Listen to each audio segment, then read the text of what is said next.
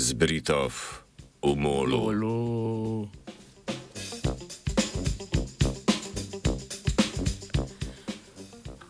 V ponedeljkovem zbritovu predstavljamo študijo mednarodne raziskovalne skupine, ki ugotavlja, da zaznavanje glasbe kot vesele ali žalostne v različnih kulturah morda ni univerzalno. O doživljanju glasbe smo brali v reviji Plus One.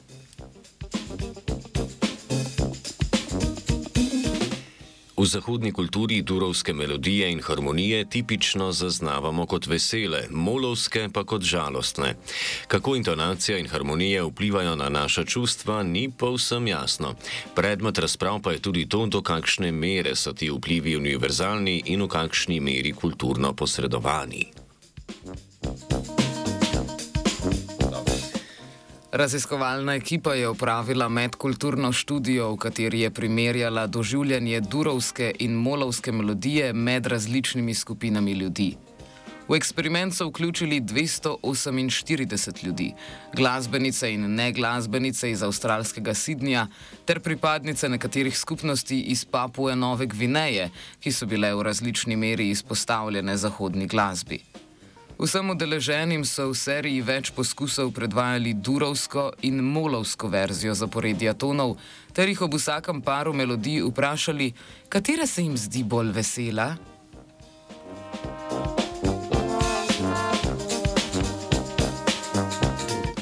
Obe skupini udeležencev iz Avstralije sta durovske melodije pričakovano zaznali kot bolj vesele v primerjavi z molovskimi.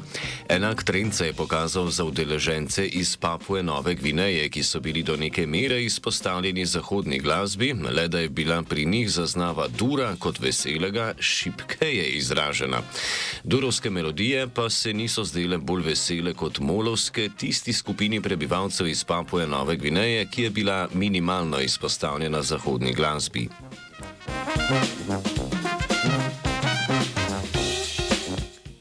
Raziskovalke in raziskovalci zaključujejo, da se stopnja izpostavljenosti zahodni glasbi povezuje s čustvenimi odzivi na dur in mol.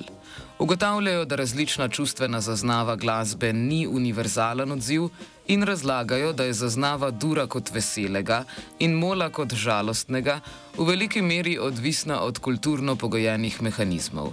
To sta denimo seznanjenost z določeno glasbo in vedenje, da je pojavljanje določene glasbe kulturno pričakovano in ustrezno v specifičnem kontekstu.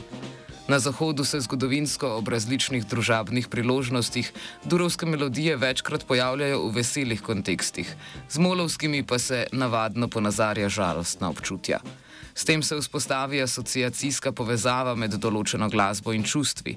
Tako dur začnemo povezovati z veseljem in mol z žalostjo tudi izven situacij, v katerih smo se teh povezav priučili.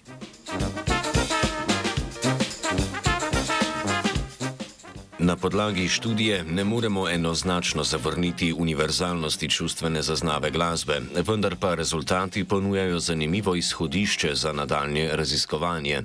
Razpravo o kulturno specifičnem doživljanju glasbe bi bilo smotrno nadgraditi z antropološko raziskavo o tem, kako ljudstva z minimalno izpostavljenostjo zahodni glasbi doživljajo glasbo in na katere kulturne elemente se vežejo specifični elementi glasbene zaznave. Bolj kot v duru, pa Katijo osrečuje glasba v molu.